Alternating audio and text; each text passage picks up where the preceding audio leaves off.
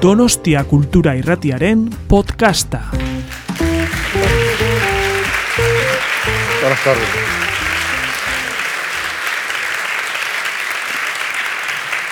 Buenas tardes, muchas gracias. Bueno, arratzaldeon, eskerrik asko etortzeagatik, eskerrik asko Leonardo Badurari, bereziki hemen egoteagatik. E, eskerrik asko baitere literaktu mi, eta donostia kulturari ba, aukera hau emateagatik, e, Leonardo Padura gaur hemen e, ona ekartzeagatik, eta niri aukera emateagatik berarekin e, gaur hitz egiteko aukera e, emateagatik. Bueno, Leonardo, e, buenas tardes, e, bienvenido. Eh, como ves, eh, el público de Donostia tenía, tenía ganas de, de, de Leonardo Padura, de, de, oírte, de escucharte. Creo además que es el primer acto eh, de presentación del libro que haces con público en directo, ¿no? Sí, es así. eh, ocho meses después de haber salido el libro, es la primera presentación pública, eh, presencial, que hago de, del libro. Muy bien, pues Así bueno. que le tocó a San Sebastián.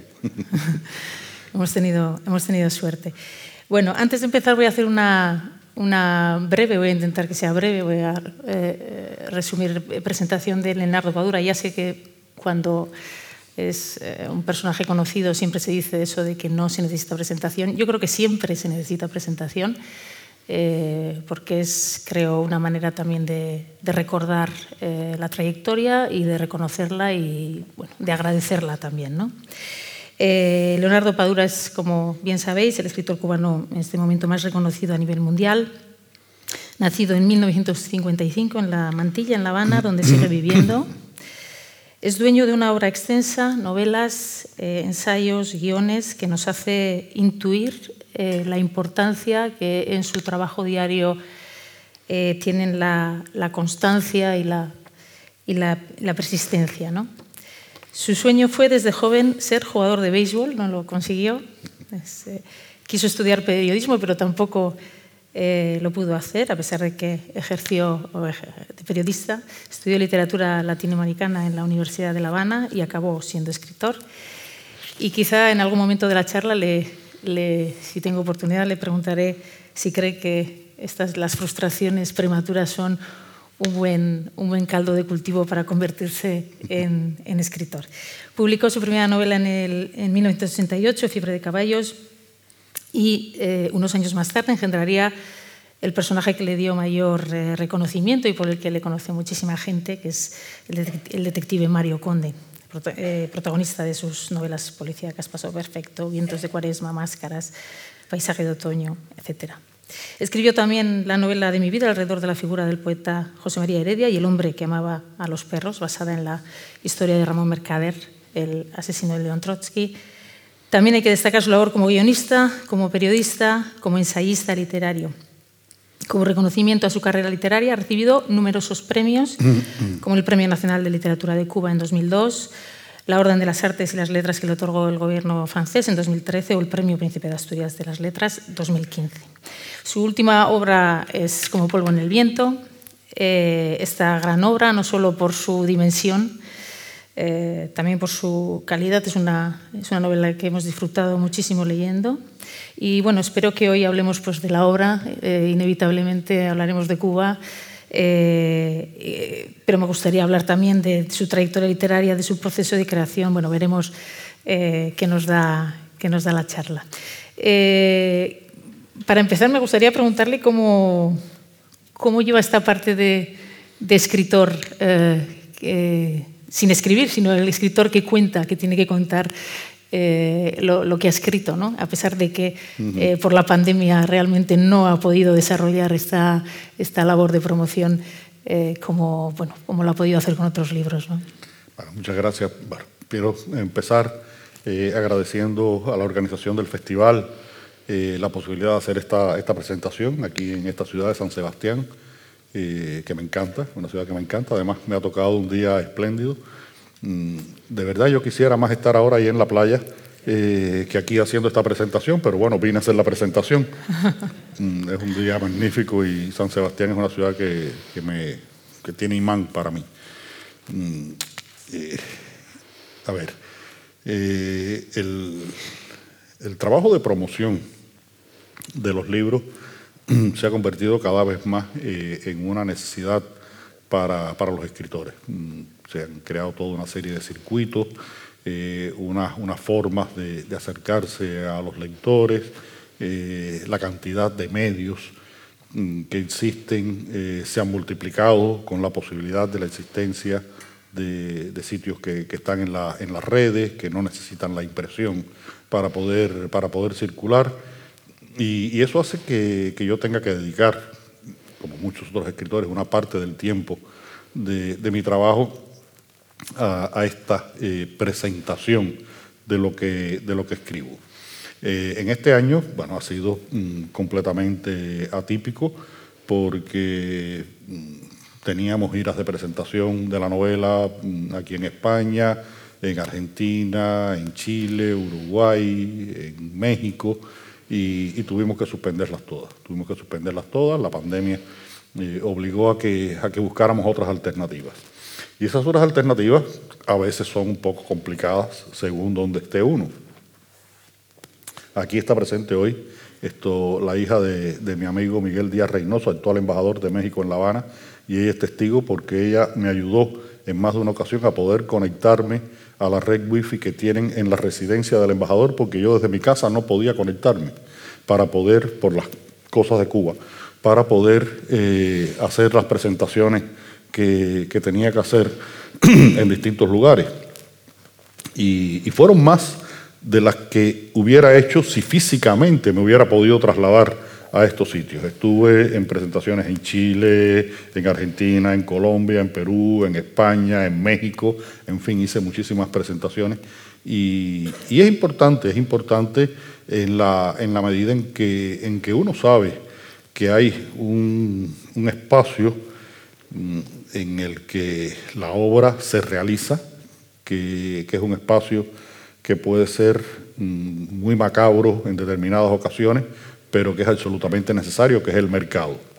yo siempre me asombro, por ejemplo, que, llegas a una, a una, librería en España y, vas a buscar un libro, por ejemplo, de Manuel Vázquez Montalbán y tienes que buscar para encontrar un libro de Manuel Vázquez Montalbán.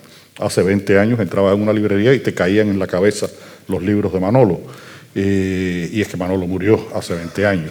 Entonces, mm, eh, es, es realmente muy complicado eh, el sistema de distribución, de, venta, de promoción de la literatura, llegas a, las librerías y te encuentras que en la mesa de novedades hay 20 títulos. De esos 20 títulos hay 10 que nos faltan. Hay 10 que nos faltan, que son 5 autores eh, españoles que son los que más venden y 5 autores norteamericanos que son los que más venden. Eh, y, los otros 10 hay que rifárselo para poder llegar a la mesa de novedades. Entonces mm, es, realmente complicado, complicado, y si no tienes detrás una editorial que, respalde tu trabajo, una editorial, afortunadamente para mí, hace ya 26 eh, años mm, estoy relacionado con Tusquets Editores, que es una de las editoriales eh, sin duda con más prestigio aquí en, la lengua española, no solamente en, España. y, de todas maneras exige este, este, este proceso de cercanía con, los lectores mm, para que la obra pueda tener ese fin, porque uno escribe. Yo, ese cuento que, hacía eh, García Márquez, de que él escribía para hacer felices a sus amigos, eh, no me lo creo. Uno tiene que hacer felices a mucha gente si pretende ser escritor y para llegar a mucha gente es muy complicado, porque en definitiva uno no escribe para uno, no tiene sentido escribir para uno, uno tiene que comunicar algo. Yo en mi época de periodista mm, eh, tuve muy, aprendí de, una manera muy mm, inmediata, muy eh, visceral, que, que, tienes que comunicar, que tienes que comunicar, que tienes que decir algo y que la gente tiene que recibir ese algo que tú dices. Y yo trato de hacerlo a través de mis libros y esta parte de la promoción ayuda a que eso que yo digo pueda llegar a la gente que lo lee. Como polvo en el viento, desde luego sí ha llegado a esas a esa escaparate, digamos, de He tenido esa suerte. ¿eh? Eh, desde luego es una, eh, una novela enorme, como he dicho antes, enorme, tanto de, extensión como de, de calidad, de, bueno, es una historia que cuenta muchas cosas, no solo la, la, historia de un grupo de amigos, cuenta al mismo tiempo de una generación, al mismo tiempo la historia de un país. Eh, hay un tema que atraviesa, que atraviesa el libro, que es el, el sentimiento de pertenencia. ¿no? Eh, y yo creo que no solo pertenencia a un país, eh, en este caso a Cuba, también el sentimiento de pertenencia a una familia, a un grupo de amigos. Eh, creo que es una de las ¿no? columnas eh, sí. vertebrales de la obra. ¿no? Sí, yo creo mm, que los, los escritores funcionamos con, con, unas cuantas obsesiones que, que nos persiguen.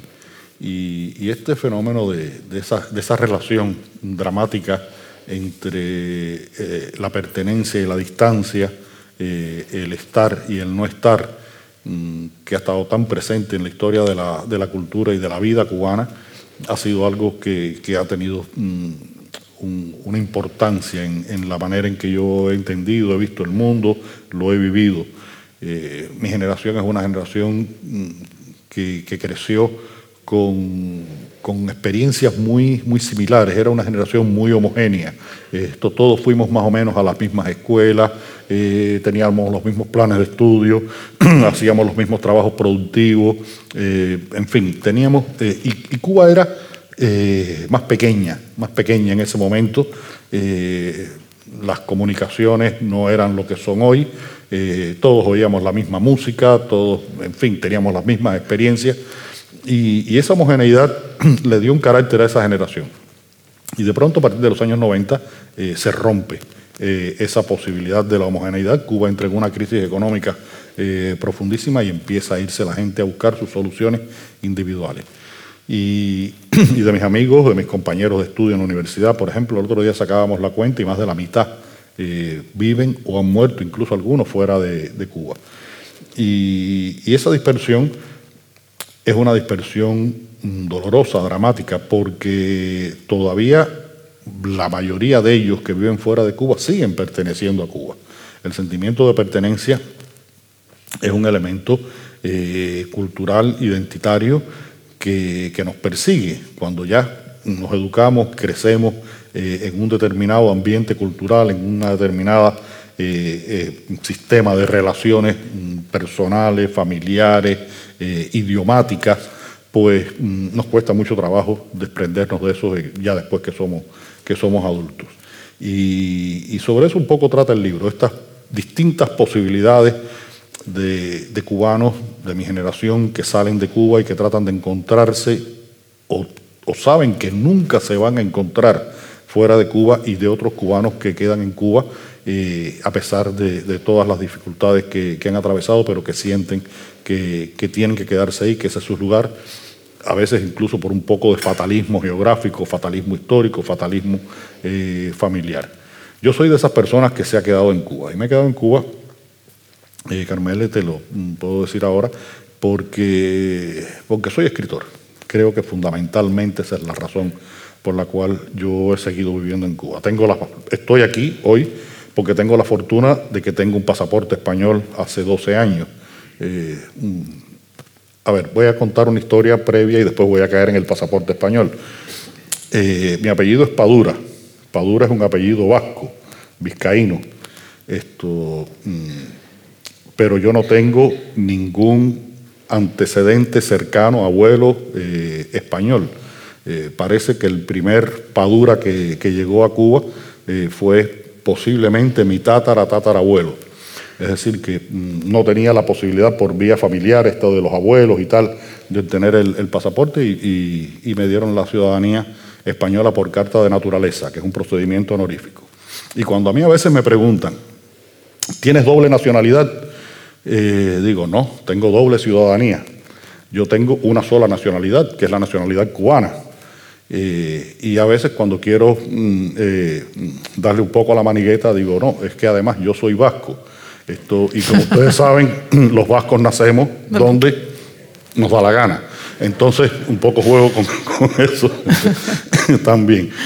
Eh, y, y, ese sentimiento de, de, de, pertenencia y ese hecho de que, de que, por ser escritor viva, viva en Cuba, a pesar de que tenga la posibilidad de esto, de venir a España en estos momentos, que prácticamente no se están dando visados eh, en, el consulado español de La Habana para, viajar, eh, me da una gran ventaja, pero yo sigo mm, siendo un escritor que pertenece a la cultura cubana, que pertenece al ambiente cubano, que pertenece a esa sociedad y tengo incluso, eh, yo no he sido político nunca, no tengo ninguna militancia política, no hago política de manera expresa con mi literatura. Mi literatura puede tener, y de hecho tiene muchas lecturas políticas, pero no la practico. Lo que sí tengo es una posición civil ante la realidad cubana y he tratado de reflejar esa realidad en mis libros, como trato de reflejarla en esta, ese, drama tremendo que es el, que es el exilio. Pero el, el extremo de mi pertenencia llega a que yo soy de esa rarísima especie de individuo eh, en este ya tercera década del siglo XXI que sigue viviendo en la misma casa donde nació. Eh, yo vivo en un barrio de La Habana, esto, una casa que construyó mi padre cuando yo iba a nacer. Nací en esa casa, esa casa se ha ampliado. Mi madre, afortunadamente, la tengo todavía ahí con sus 93 años. Lee mi libro y me dice: Oye, pero es que cada vez escribes más. Escribe novelas más chiquitas porque me pesan mucho. pesan mucho, me dice ella. Eh, y y, bueno, vivo ahí en ese, en ese lugar y tengo un arraigo muy fuerte por ese lugar y por, y por mi cultura. De todas maneras, mm, y, esto también creo que, es importante, Carmela, y tú lo sabes, eh, cuando uno tiene ese, ese sentimiento de pertenencia y, lo practica, también tiene que tener en cuenta una, una lección que, que sintetizó de manera genial Miguel de Unamuno.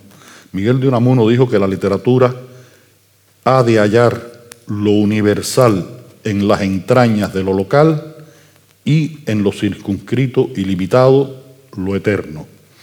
Es decir, que uno puede escribir sobre la situación más doméstica que, que exista, más cercana, pero tiene que tener una perspectiva universal con respecto a ese tratamiento que le está dando a esa escritura de un asunto eh, puramente doméstico. Y, es lo que he tratado de hacer. Y este, este precisamente ese carácter eh, universal, eh, yo creo que eh, lo consigue precisamente en este libro pasando, digamos, del mundo de las ideas al mundo de las emociones, ¿no? Es decir, que en las emociones habla usted del amor, habla de, bueno, de las emociones humanas que todos reconocemos, ¿no? Entonces nos puedes estar, nos puede estar contando una historia bien lejana para, para, un lector de Donostia o de Berlín, me da igual, pero eh, en las emociones coincidimos, entonces se hace, se hace se, nos reconocemos. ¿no? Es, que, es que hay algo que, que compartimos y que, y que, es eterno, que, que, es la condición humana. Y la condición humana eh, nos lleva a tener todos esos sentimientos, mm, actitudes, comportamientos que, son propios de la especie algunos buenos, algunos malos. Esto está el amor y está el odio, está eh, la admiración y está la envidia. En fin, que existen eh, muchas maneras de manifestar esa, esa, condición humana. Y yo creo que ahí es donde está un poco la, esencia de una, de una, posible universalidad de determinadas eh, formas de expresión y de, y de concreción de una, de una, obra, de una obra artística. Y, tengo eso siempre muy presente y por eso esto que tú dices de pasar de, las ideas y de los conceptos a, los sentimientos, eh, en este libro fue para mí muy importante, fue para mí muy importante.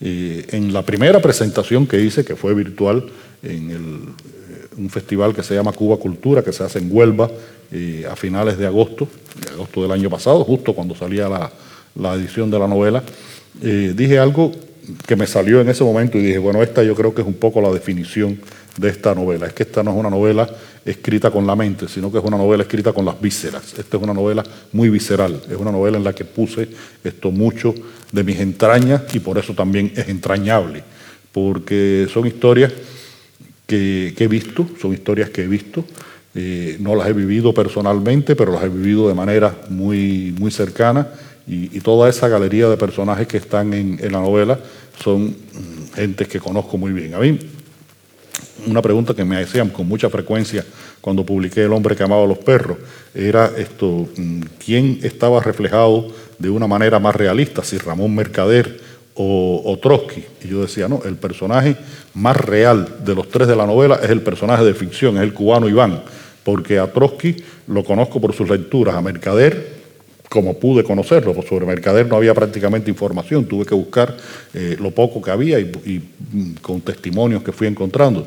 Pero Iván eh, es como si fuera yo, no soy yo, no es mi historia personal, pero es como si fuera yo. Entonces es el personaje que más yo conocía. Y estos personajes eh, son los mismos. Me preguntan a veces con cuál me identifico más. Digo, mira, no te puedo decir con cuál me identifico más, me identifico con todos porque de alguna manera yo he sido todos esos personajes o yo conozco a todos esos personajes. Presenta una especie de muestrario del exilio, ¿no? un muestrario en las diferentes formas de vivir el exilio, eh, de vivir de espaldas al país que has dejado o vivir eh, aún con el cordón umbilical eh, unido, ¿no? las diferentes formas. Me gustaría preguntarle sobre su, necesidad de escribir este libro.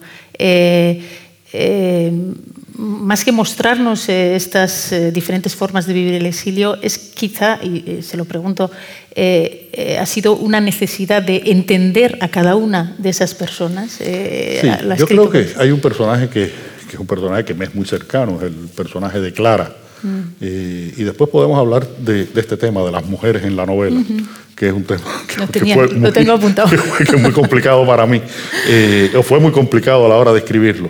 Ese personaje de Clara dice en un momento, eh, todas las razones para irse de Cuba son válidas y todas las razones para quedarse en Cuba son válidas y lo único que hay que hacer es respetarlas y entenderlas. Creo que el principio del respeto a las decisiones personales de cada uno es el principio de, un entendimiento. Y, estos personajes, bueno, mm, toman decisiones que, tienen que ver con sus propias experiencias, con, sus propias vidas, y, todo esto venía eh, persiguiéndome eh, por años, venía persiguiéndome por años. Ya con la novela de mi vida de José María Heredia, yo había escrito sobre, sobre el exilio del primer cubano que se sintió cubano en el principios del siglo XIX, eh, y, es desterrado.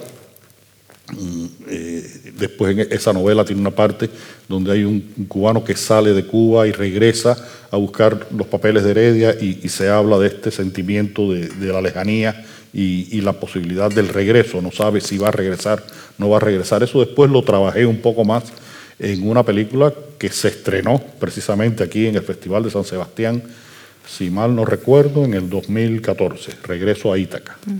Regreso a Ítaca. Eh, dirigida por Laurent Cantet. Yo escribí el guion de esa, de esa película y es la historia de, un cubano, porque parte de, este mm, eh, sector de la novela, la novela de mi vida, un cubano que regresa a Cuba y se encuentra con sus amigos y empiezan ahí a salir toda una serie de historias que estaban eh, tapiadas. Y, pero me faltaba hacer esto como, como el recorrido por, por, las distintas posibilidades del exilio de mi generación.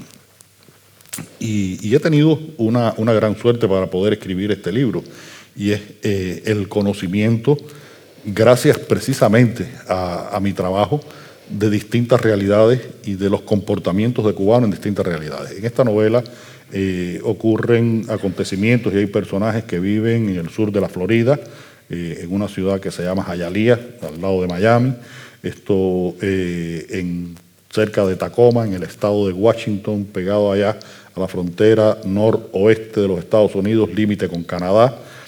Eh, personajes que viven en Madrid, en Barcelona, en San Juan de Puerto Rico, en, Buenos Aires, en Toulouse, Francia, y, esa posibilidad de, conocer esos contextos, porque para mí también hay algo que es muy, que es muy importante. Y es que cuando yo ubico un personaje eh, en un ambiente, eh, necesito tener una cierta percepción de ese ambiente. No siempre lo consigo, no siempre lo puedo lograr. Por ejemplo, mm, el, Trotsky que vive en la isla turca de, de no pude ir a, a, pero bueno, pude ir a Moscú. Esto fui muchas veces a México a ver la casa de Trotsky en México. Eh, recorrí Barcelona buscando la casa de Ramón Mercader, porque eso me da como, como una una sensación de verdad para poder contar esa mentira que estoy contando, que es la mentira literaria. Y, eso mm, era algo que, quería de alguna manera eh, exorcizar, exorcizar esa, esa historia de, la diáspora contada desde la perspectiva de mi generación. Cuba ha tenido en los últimos 60 años, después de la revolución, distintos momentos de, distintas olas de, exilio, eh, caracterizadas por los momentos históricos, pero esta tiene una, una característica muy especial. Y es una de esas características ha sido sobre todo el hecho de que mm, por primera vez en muchos años fue posible eh, irse eh, sin irse por completo, porque existió durante mucho tiempo, hasta hace 15 años o algo así, una figura eh, migratoria cubana terrible que se llamaba salida definitiva del país, lo cual significaba que perdías tu condición de ciudadano cubano y, eso hacía incluso mucho más dramática eh, la salida del país. Esa frase que ha comentado de Clara, o esa comprensión de, de, cada, de cada manera de irse o de no irse, o de cada decisión que se toma, eh, también en, eh, en, el libro sobrevuela, ¿no? Quiere decir, hay no se juzga, se muestran las diferentes formas de eh, las diferentes decisiones, pero no se juzga. Y esto eh, en una, bueno, pues una sociedad que, que juzga antes de entender muchas veces y, y, en una sociedad que cada vez más eh, se, se, se, nos impulsa o se nos lleva hacia o el blanco o el negro o el sí o el no, eh, pues bueno, no, no, es eh, bastante contradictorio con la sociedad en la que vivimos. Y quería claro. preguntarle en ese sentido si cree que quizá la literatura es ese espacio o nos ofrece la literatura ese espacio de, de comprensión de esa complejidad, ¿no? de esa complejidad de, de, de, las decisiones que tomamos y de la, la complejidad de la vida en, en, eh, en, general. ¿no? Yo creo que la literatura puede hacerlo y creo que la literatura debería hacerlo, eh, pero hay veces que hay autores que, que no lo hacen eh, y utilizan la, literatura, la literatura como una especie de tribuna eh, para determinadas ideas que que pueden ser políticas o pueden ser sociales o pueden ser esto, incluso de género, en fin, eh, religiosas, mm, lo que sea.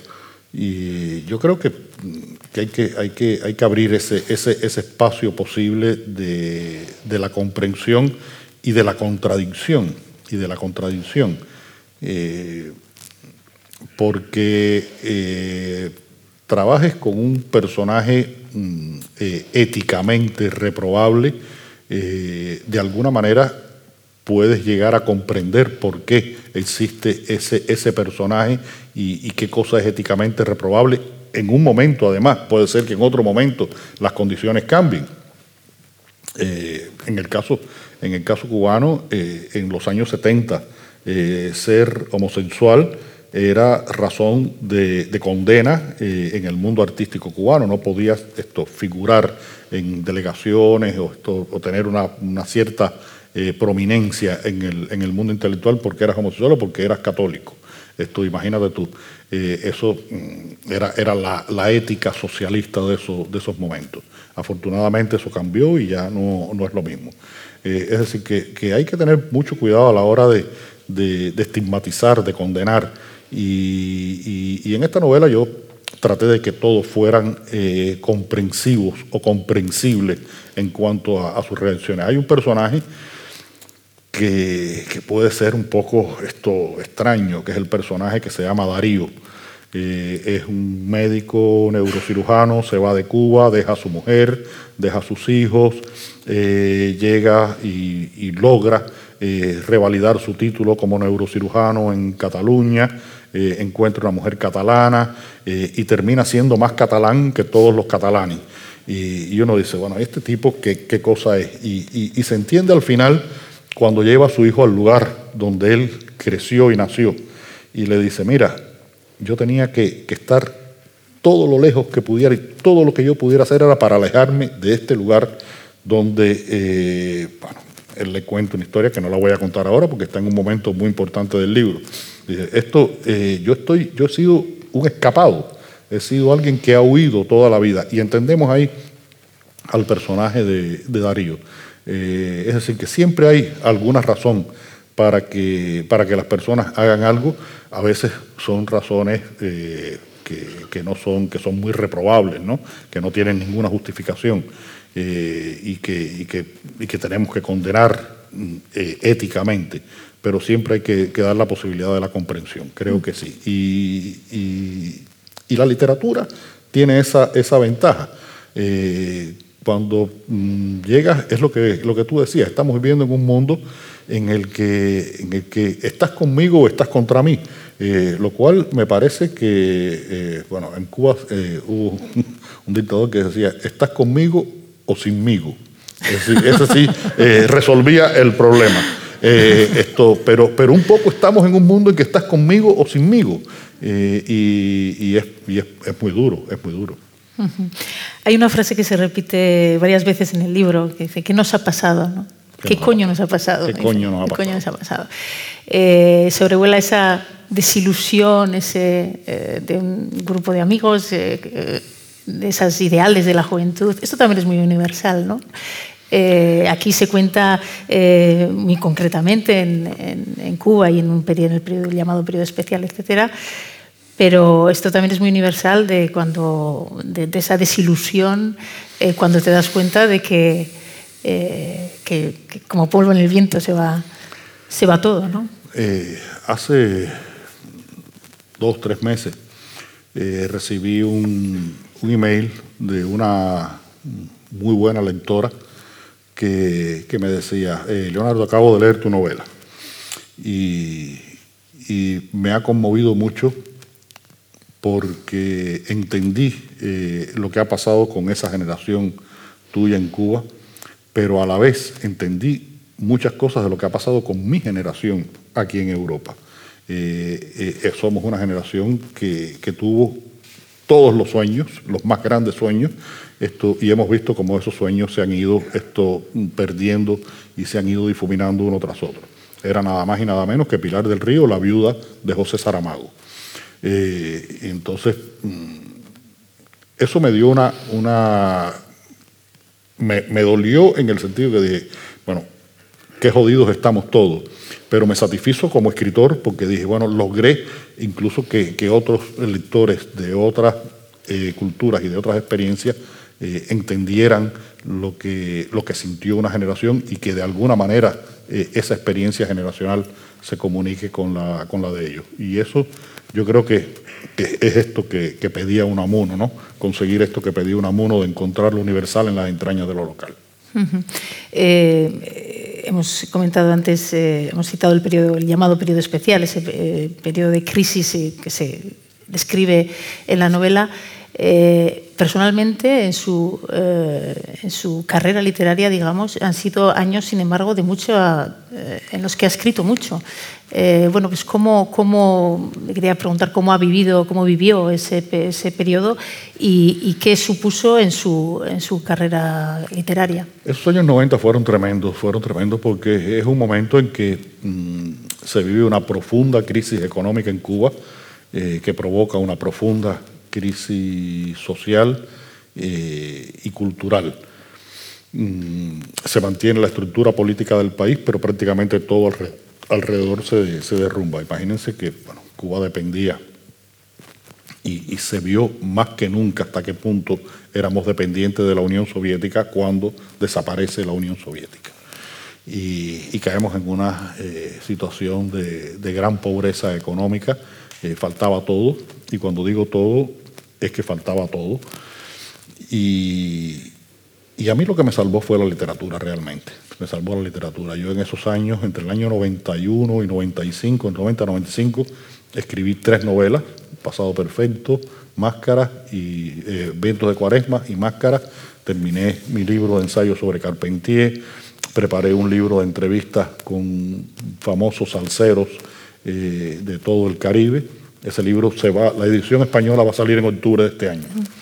Eh, es un libro que recorre entrevistas, recoge entrevistas a, esos músicos, que es el movimiento cultural más importante del Caribe de la segunda mitad del siglo XX. Y, bueno, hice, mm, y seguí haciendo mi, trabajo. Y en el año 95 mm, yo decidí que, no podía seguir trabajando en la revista en que trabajaba. eh, ya estaba mm, agotado de ese, de ese trabajo. Eh, era la única revista prácticamente que estaba saliendo en Cuba y cada número que salía significaba que se quedaban dos números sin salir por la cantidad de trabajo que había. Había que explicarle a las personas por qué su trabajo no salía y salía el del otro. Y era, era algo realmente muy desgastante y muy doloroso. Y decidí que, que dejaba el trabajo y había mm, enviado mm, por pura casualidad, lo vi eh, en una pared que estaba en un mural colgado una convocatoria al premio Café Gijón y mandé la novela eh, Máscaras al premio Café Gijón. Y, yo dejé de trabajar el 31 de diciembre del 95, el primero de enero del, 96 empecé a ser escritor independiente, era el primer momento en que era posible la figura del escritor independiente. Y, y, 13 días después me llamaron que había ganado el premio Café Gijón y ahí a partir de ahí cambió todo. Cambió todo porque después, dos meses después, me, llamó Beatriz de Moura para decirme que quería publicar la novela en, en Tusqués. Y bueno, cambió, cambió las cosas. Pero fue un momento de una gran, gran, gran incertidumbre, una gran incertidumbre en el que, que de alguna manera se parece al que estamos viviendo ahora. Eh, por suerte con electricidad. En estos momentos no ha habido cortes de electricidad en Cuba, pero en aquellos momentos los cortes de electricidad eran terribles. Eh, andábamos en bicicleta, eh, comíamos lo que podíamos mm, y, no sabíamos cuándo se iba a acabar aquello. No sabíamos cuándo se iba a acabar aquello. Fue, yo siempre digo que en esos años yo escribí como un loco para no volverme loco. ¿Cree que se le, bueno, se le lee diferente eh, en Cuba que fuera de Cuba? Sí, yo creo que sí, que, que los cubanos entienden claves que hay en estos libros, es, lógico, es lógico. Eh, desde expresiones idiomáticas, desde expresiones idiomáticas. En mi novela anterior, La transparencia del tiempo, hay un momento en que un personaje le dice a otro, y, fulano explotó como cafunga. Y, y mi traductor al francés eh, que es muy mm, eh, consciente de, la necesidad de encontrar las equivalencias posibles, buscó por todas partes quién era Cafunga y nunca encontró quién era, quién era Cafunga. Dice, bueno, vi que en, la tercera división del fútbol de Brasil había un jugador que se llamaba Cafunga. ¿Pero qué tiene que ver? Digo, mira, explotar como Cafunga es una frase cubana que es alguien que tiene un gran problema, que tiene un gran problema eh, sin solución y explota. Eh, explotó como cafunga. Eh, e incluso hasta ese nivel puede llegar la, complicidad entre eh, un, un, escritor y sus lectores naturales. Lamentablemente, el problema es que en Cuba mis libros circulan poco y mal, por problemas económicos, eh, las ediciones son de 3.000, 4.000 ejemplares, también por problemas de derecho, porque hubo un momento en que se podían publicar más y empezaban a salir libros de Cuba y por supuesto mis editores de Tusquets dijeron, bueno, vamos a poner una cifra eh, aceptable y cada vez que se vaya a hacer una reedición, pero las reediciones prácticamente no existen. Eh, y después cuando salen los libros se promueven mal o no se promueven, no se dice nada. en los medios de que se ha publicado un libro mío. Es un poco una manera de mm, eh, es como eh, el castigo por escribir como escribo que me dan en Cuba.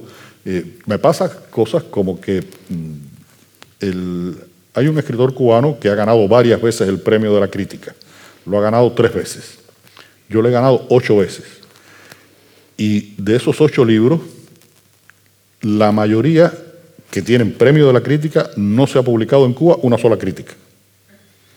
Esto porque no salen los medios. Eh, entonces es una situación un poco, un poco rara la que tengo en Cuba, pero tengo una buena relación con mis lectores, una buena relación con mis lectores. ¿Cómo? Bueno, pues cuando sale un libro eh, se forma una pelea entre la gente para comprarlo, un libro pasa de mano en mano y lo leen 15 personas y la piratería. Mm, eh, como polvo en el viento salió a finales de agosto y a principios de septiembre ya había una copia pirata que la gente tenía en sus teléfonos y en sus tabletas eh, circulando en Cuba, que había salido de Colombia y no sé cómo llegó a Cuba y ya todo el mundo eh, la estaba leyendo.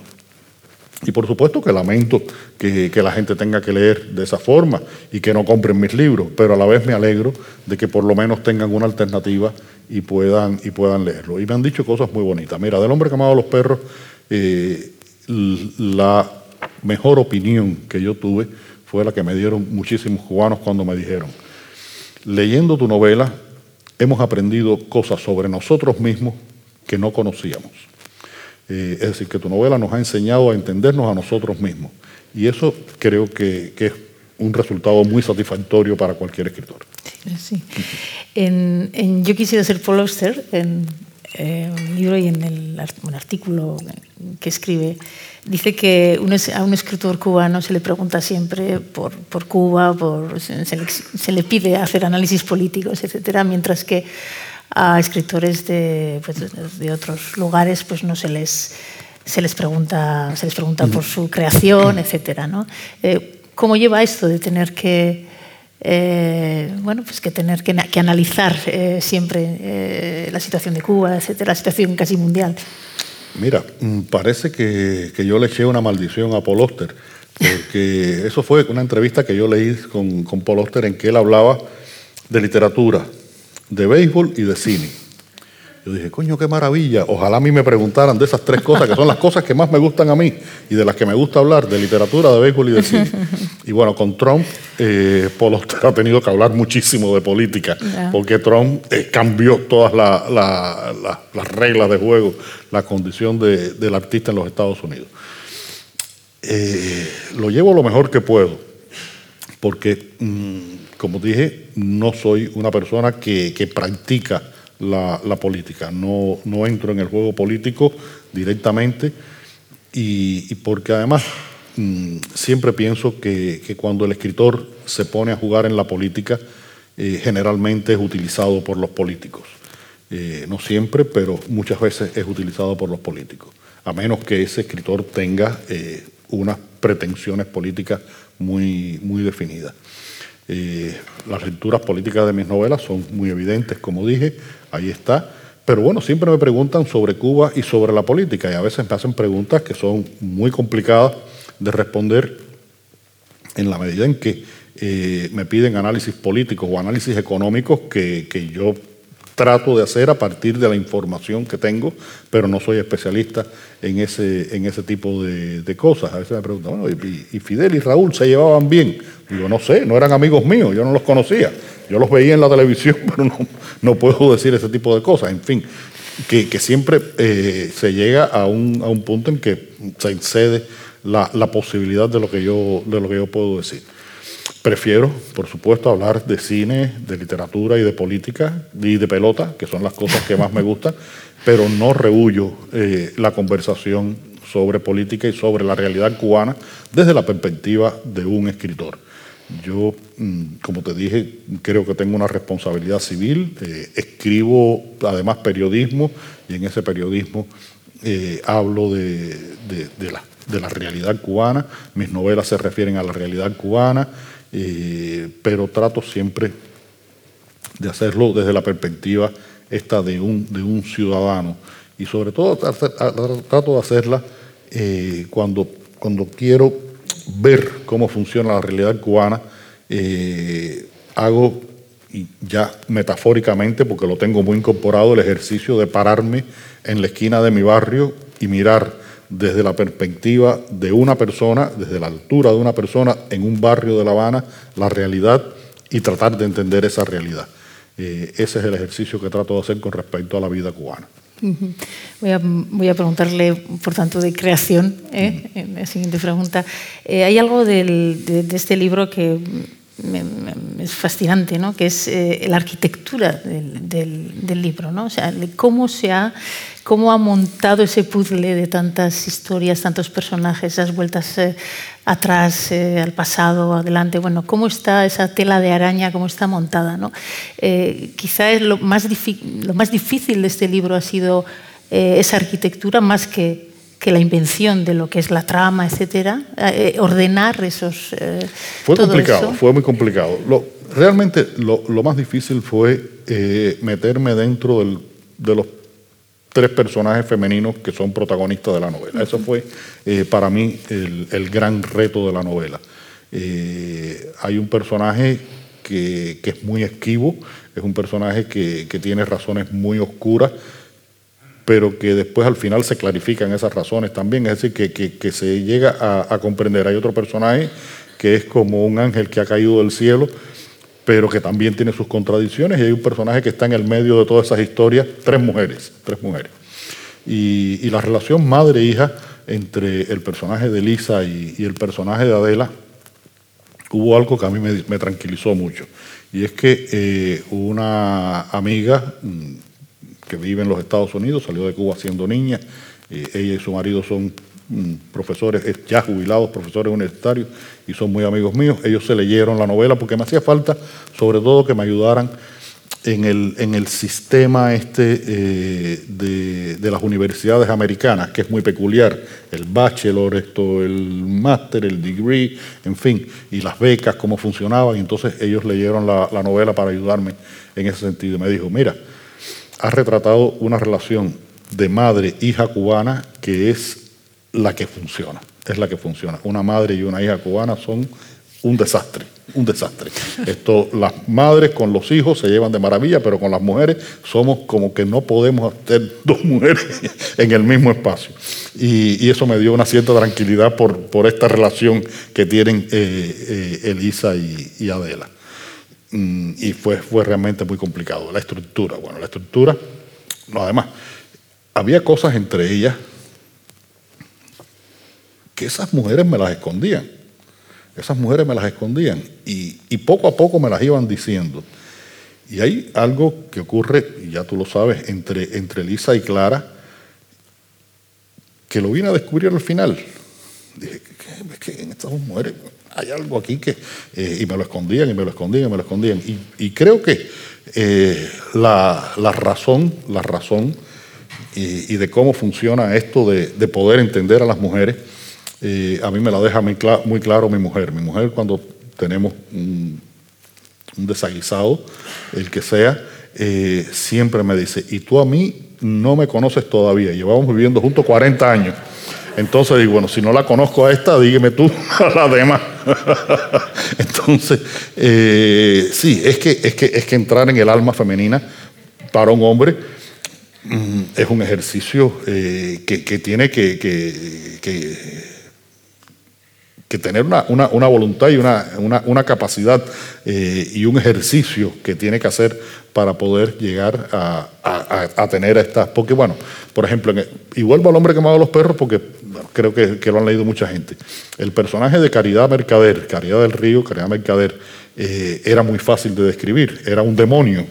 Entonces, ese demonio, bueno, pues, y las cosas que hacía con los hijos y tal, que, que después me las refrendaron uno de sus nietos Después que salió la novela me encontré con uno de sus nietos en Francia y me dijo, mira, el retrato que hace de mi abuela es exactamente así. Mi abuela era una hija de puta. Esto, eso, eh, esto, pero era la mejor abuela del mundo, porque como era tan hija de puta, nos llevaba a nosotros a los lugares y nosotros podíamos destruir un lugar y ella sentada tranquila fumando su cigarro como si no estuviera pasando nada. Porque ella decía que ella servía para destruir cosas, no para construir cosas, que ella servía para destruir el capitalismo y no para construir el comunismo. Esa era caridad mercader. Entonces era más fácil, pero estos personajes tienen otra complejidad. Y la estructura. La estructura fue, eh, la tuve que hacer casi ladrillo a ladrillo, casi ladrillo a ladrillo. Iba avanzando y de bloque en bloque iba diciendo, bueno, ahora este, este va aquí y, y hacia dónde voy. Esto hacia arriba eh, es, como, es como una construcción, es justamente una construcción, que tienes la posibilidad de poner estos 10 ladrillos uno sobre otro, poner uno al lado del otro y después empezar por aquí y seguir por acá. Y, entonces fui haciendo ese, ese, ese juego. Y, creo que eh, es el aprendizaje que uno hace a lo largo de años de, lectura y de ver estructuras complejas. Mm, yo siempre digo que eh, Conversación en la Catedral de Vargas Llosa es una de las novelas que más yo admiro y es una novela especialmente compleja en su arquitectura también. ¿no? Y, y, Milán Kundera lo dice, lo dice muy claro, lo dice, bueno, eh, antes de eh, eh, ninguna obra literaria, ninguna obra literaria se puede concebir sin una conciencia de su, de su estructura. Y, y, cuando lees una novela como, como La insoportable levedad del ser, que es una novela que en la página 60 te dice que Tomás y Teresa se van a morir esto, y se mueren después, 250 páginas después, en las 400, tú dices, bueno, este cabrón, ¿por qué me lo dice aquí? Bueno, es que es, la manera de, de construir. Y creo que Mm, hay que tener conciencia de la importancia de, la estructura en la novela y, creo que me funcionó bastante mm. bien en esta. Sí, sí, sí, desde luego que sí. Eh, hay otra, otro aspecto de la novela que eh, a mí me ha gustado mucho, yo creo que me ha ayudado además, es el tempo, la cadencia, el, en esta vida que vivimos así tan, tan veloz. Eh, a mí me ha dado la sensación mientras escribía que el libro me decía, bueno, para, tranquilidad para, porque se para eh, en, tantos detalles, ¿no? entramos al piso en el que vivían, eh, los detalles del piso, los detalles de... Eh, ¿Qué importancia tiene el detalle o por qué le da tanta importancia al detalle? Yo creo que, mira, cuando, mm, cuando vas al, Prado y, y ves a los grandes maestros de la pintura, eh, te das cuenta de que, de que un cuadro está lleno de tantas, tantas, tantas, tantas referencias.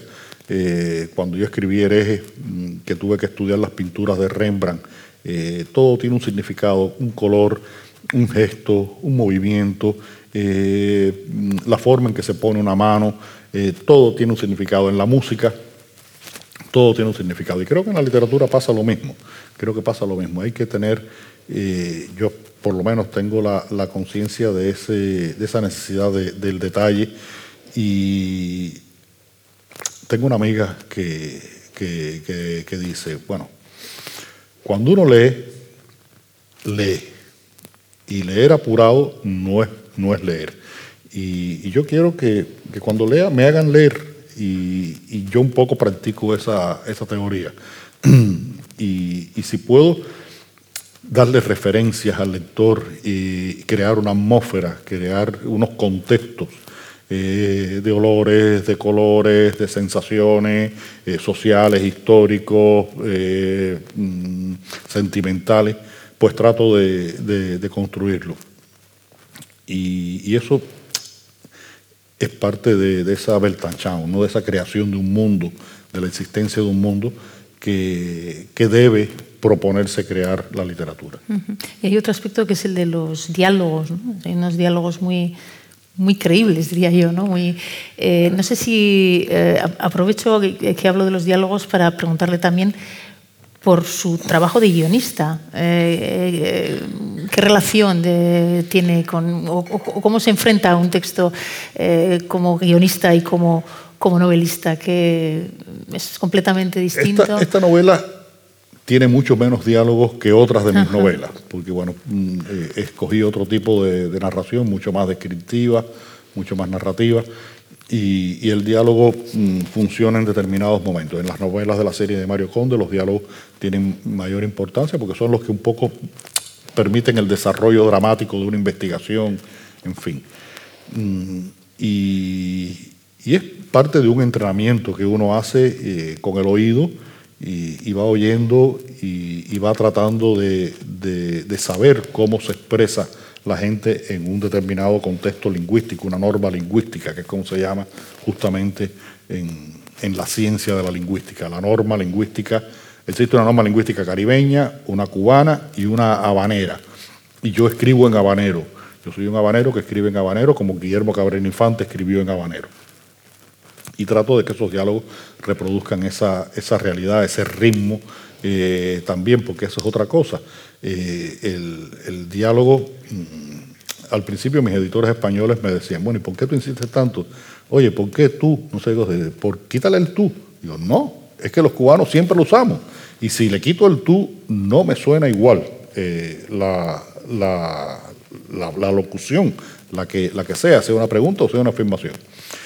Y, en el cine, pues bueno, eso es, muy importante. Mm, yo cuando escribo para el cine trato generalmente de escribir con mi mujer, con Lucía, porque ella tiene más mm, paciencia que yo con respecto al mundo del cine que, mm, bueno, Chandler decía que, Raymond Chandler decía que cuando el novelista escribe para el cine debe ponerse su segundo mejor traje eh, porque, porque tienes que cambiar, tienes que cambiar, por supuesto, de, mentalidad y, de, incluso de métodos de escritura.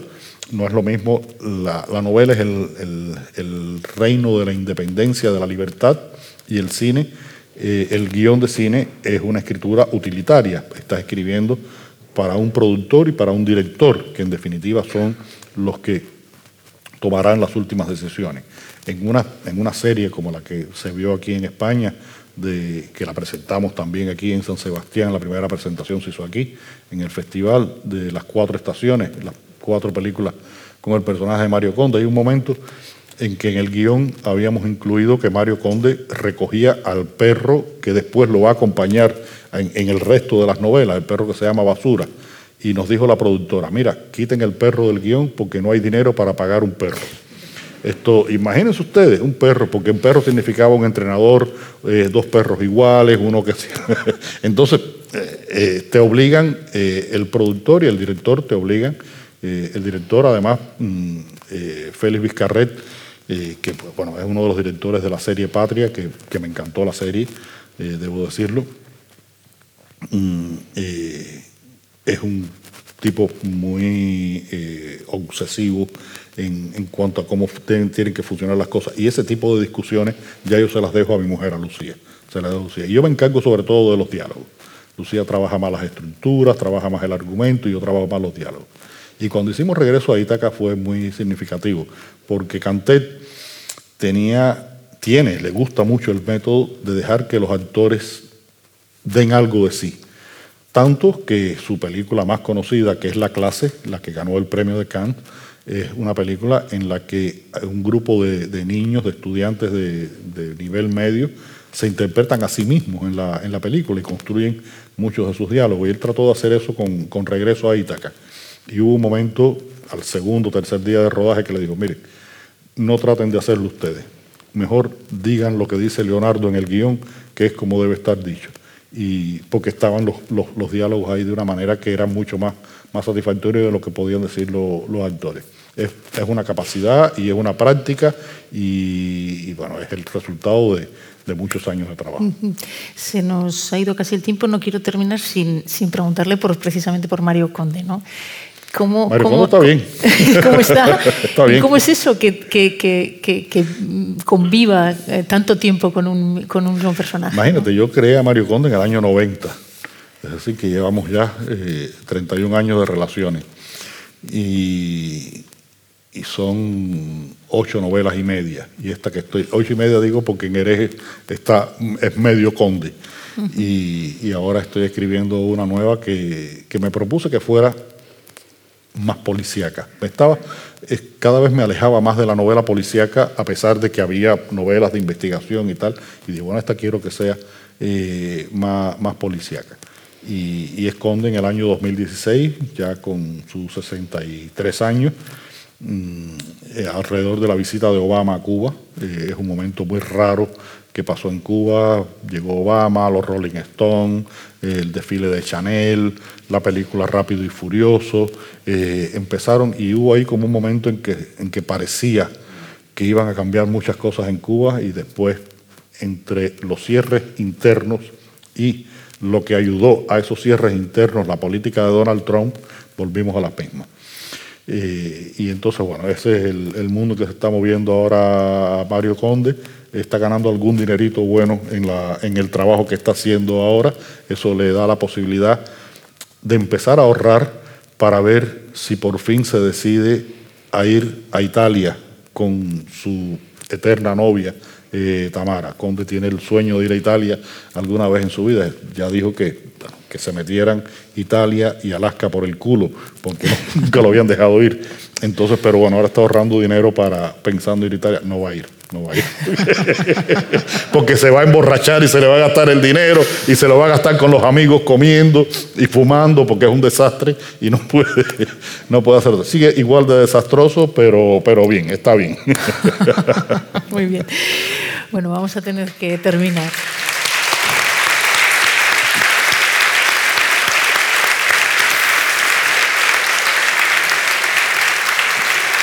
Eskerrik asko Leonardo Padurari eta eskerrik asko etorri dizareten guztioi eta hainbeste interesa jartzeagatik. Eskerrik asko. Muchas gracias, buenas noches.